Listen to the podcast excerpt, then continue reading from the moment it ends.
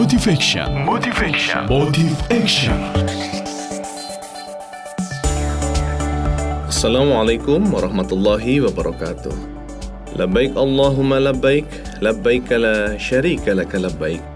Mitra muslim, jika suatu ketika ada teman atau atasan kita yang memanggil kita, lalu serius mengamati wajah kita dan kemudian berkata, "Wah, sepertinya wajah kamu butuh piknik nih." Jangan dianggap remeh karena bisa jadi dia sudah membuat kita terhindar dari stres dan psikosomatis atau sakit badan karena pikiran.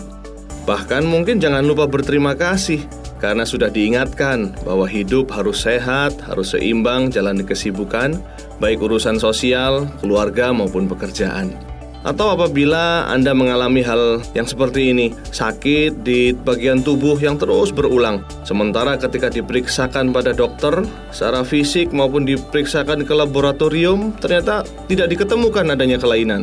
Besar kemungkinan yang Anda alami adalah sebenarnya gangguan stres saja atau psikosomatis. Bukankah sudah kita kenal istilah mensana in corpore sano? Pada jiwa yang sehat terdapat tubuh yang sehat. Ternyata juga berlaku sebaliknya. Tubuh yang sehat akan dimiliki oleh jiwa dan pikiran yang juga sehat. Pikiran dan jiwa yang penuh semangat berpengaruh pada kesehatan tubuh dan semangat kerja kita. So, jika pikiran dan jiwa kita jenuh, maka akan berdampak sakit juga pada tubuh. Maka bagaimana menyembuhkannya, menyeimbangkannya? Sebagaimana disebut di awal, Anda butuh piknik, jalan-jalan, Berwisata atau dalam khasanah Islam disebut sebagai rihlah maupun safar. Untuk renungi keindahan ciptaan Allah, menikmati alam, dan kuatkan iman, dan lalu memotivasi menunaikan kewajiban-kewajiban kehidupan. Allah pun berfirman, Berjalanlah di muka bumi dan perhatikan bagaimana Allah menciptakan manusia dari permulaannya. Di surat Al-Ankabut ayat 20, Allah menyuruh kita untuk jalan-jalan. Bahkan dikatakan, untuk seorang muslim, Allah seperti agak memaksa nih untuk keluar dari zona nyaman. Bukankah ada syariat umroh dan haji dalam perintah Allah?